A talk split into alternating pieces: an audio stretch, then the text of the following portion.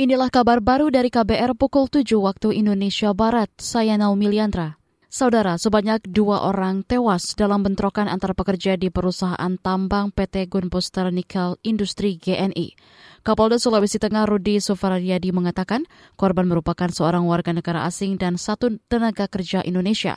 Kepolisian akan mengusut kasus ini ini akumulasi artinya dari mulai kecil tiba-tiba menjadi besar terus sampai ada korban belum meninggal dunia kita sedang melakukan penyelidikan untuk mengungkap siapa yang meninggal dunia dari TKI, siapa yang dari TKA, dan kenapa meninggal dunia. Saya akan lakukan penyidikan ini semuanya.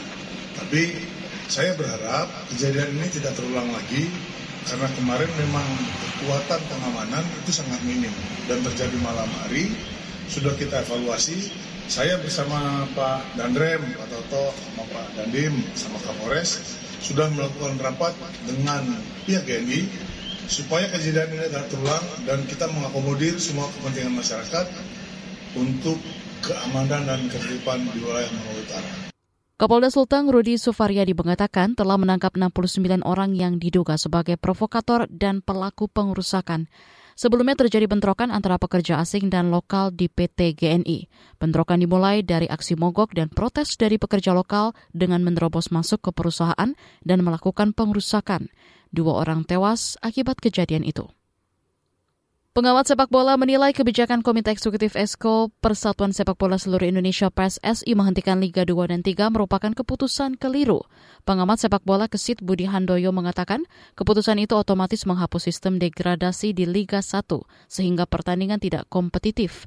Selain itu pemberhentian dapat menghambat pembinaan dan menumpulkan kemampuan atlet dalam mengelola kulit bundar. Ya kalau PSSI mungkin karena mereka merasa pada saat ini sudah bersiap-siap untuk menggelar kongres, sebentar lagi akan ada pergantian kepengurusan, ya mungkin kepengurusan yang sekarang merasa eh udahlah gitu kan, nggak usah diterusin nggak apa-apa, mungkin seperti itu akhirnya cara berpikirnya, begitu kan akhirnya kembali kepada niat, hmm. apa pun kondisinya, ya kecuali force major loh ya. Kalau uh, saat ini menurut saya penghentiannya bukan karena force major. Ya, kalau force major misalnya ada bencana, ya kan itu mungkin masih bisa kita terima gitu. Ini kan tidak ada.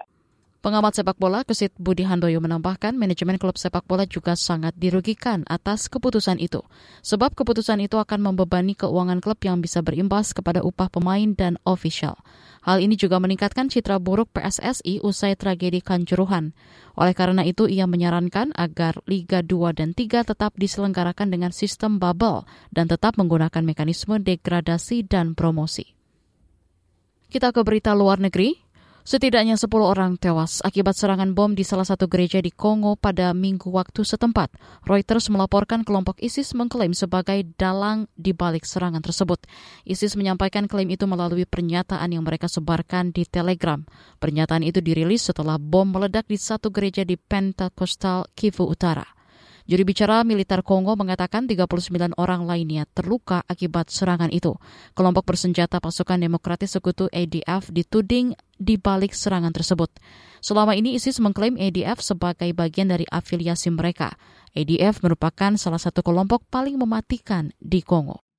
Saudara, demikian kabar baru KBR. Saya Naomi Liandra.